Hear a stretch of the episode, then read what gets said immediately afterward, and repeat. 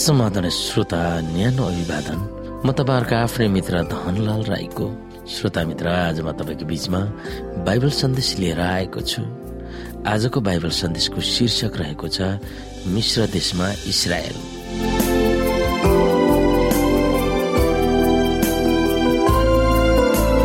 श्रोता साथी हामीले मिश्र देशमा इसरायल भन्ने बाइबल सन्देशमा विशेष गरी अध्ययन गर्नुपर्ने बाइबलीय पदहरू रहेको छ।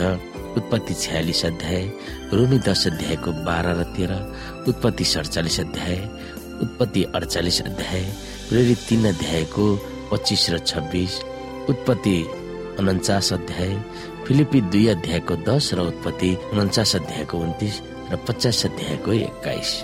श्रोता साथी यस अध्यायमा हामीले सम्झनु पर्ने पद अथवा मेमोरी गर्नुपर्ने बाइबलीय भर्स रहेको छ। उत्पत्ति सडचालिस अध्यायको सत्ताइस पद। यहाँ लेखिएको छ अब मिश्रको गोसेनमा इसरायलीहरूले बसोबास गरे र तिनीहरूले त्यहाँका जग्गा जमिन आफ्नो अधिकारमा लिए अनि त्यहाँ तिनको फलिफाप भएर संख्यामा ज्यादै वृद्धि हुँदै गयो। श्रोता साथी याकुब र युसुफको अन्तिम जीवन कहानीको वृत्तान्तद्वारा उत्पत्तिको पुस्तक बन्द हुन्छ। याकुब अथवा इसरायल परमेश्वरले नै प्रतिज्ञा गर्नुभएको कनान देश छाड्छन्। उनी सत्र वर्षसम्म मिश्र देशमा बसोबास गर्छन् अनि त्यहाँ नै उनी मर्छन्। मिश्र देशकै परिवेशमा प्रतिज्ञा गरिएको देशको आशाको भुमरी इजरायलीहरूको दिमागमा खेलिरहेको हुन्छ।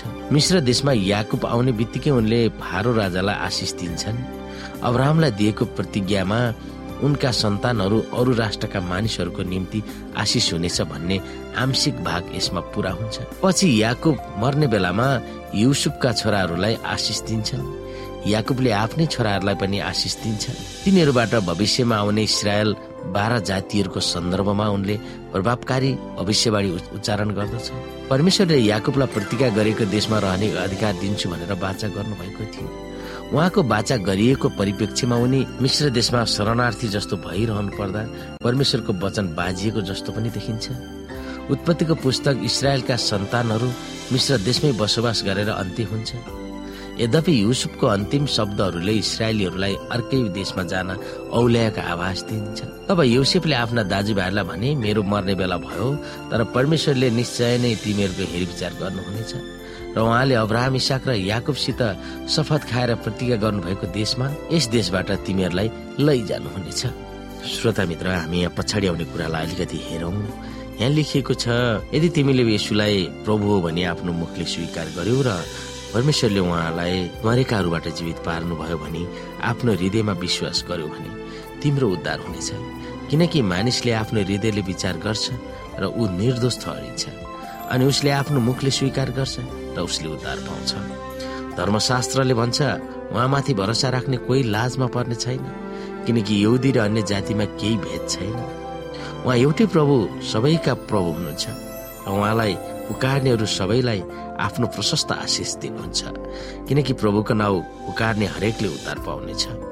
सुसमाचार कुनै निश्चित जाति वा स्थानको मात्रै नभएर सारा विश्वलाई हो वा विश्वव्यापी हो भन्ने कुरा पावलको धारणालाई हामीले कसरी लिन सक्छौ? अझ व्यावहारिक रूपमा भन्ने हो भने हामी सेभेन द एडभान्टेज भएको हैसियतले सुसमाचार फैलाउने हामी कतिको सक्रिय हुनुपर्छ भनेर पावलका शब्दहरूले हामीलाई घचेर्दछ त्यसै कारणले गर्दा श्रोता यहाँ अन्तिममा भनिएको छ युसेफले आफ्नो दाजुभाइलाई भनेको कुरा म मर्ने बेला भयो तर परमेश्वरले निश्चय नै तिमीहरूको हेरविचार गर्नुहुनेछ। र उहाँले अब्राहम इसाक र याकुबसित शपथ खाएर प्रतिज्ञा गर्नुभएको देशमा यस देशबाट तिमीहरूलाई लैजानुहुनेछ। र यो कुरा उनीहरूले विश्वास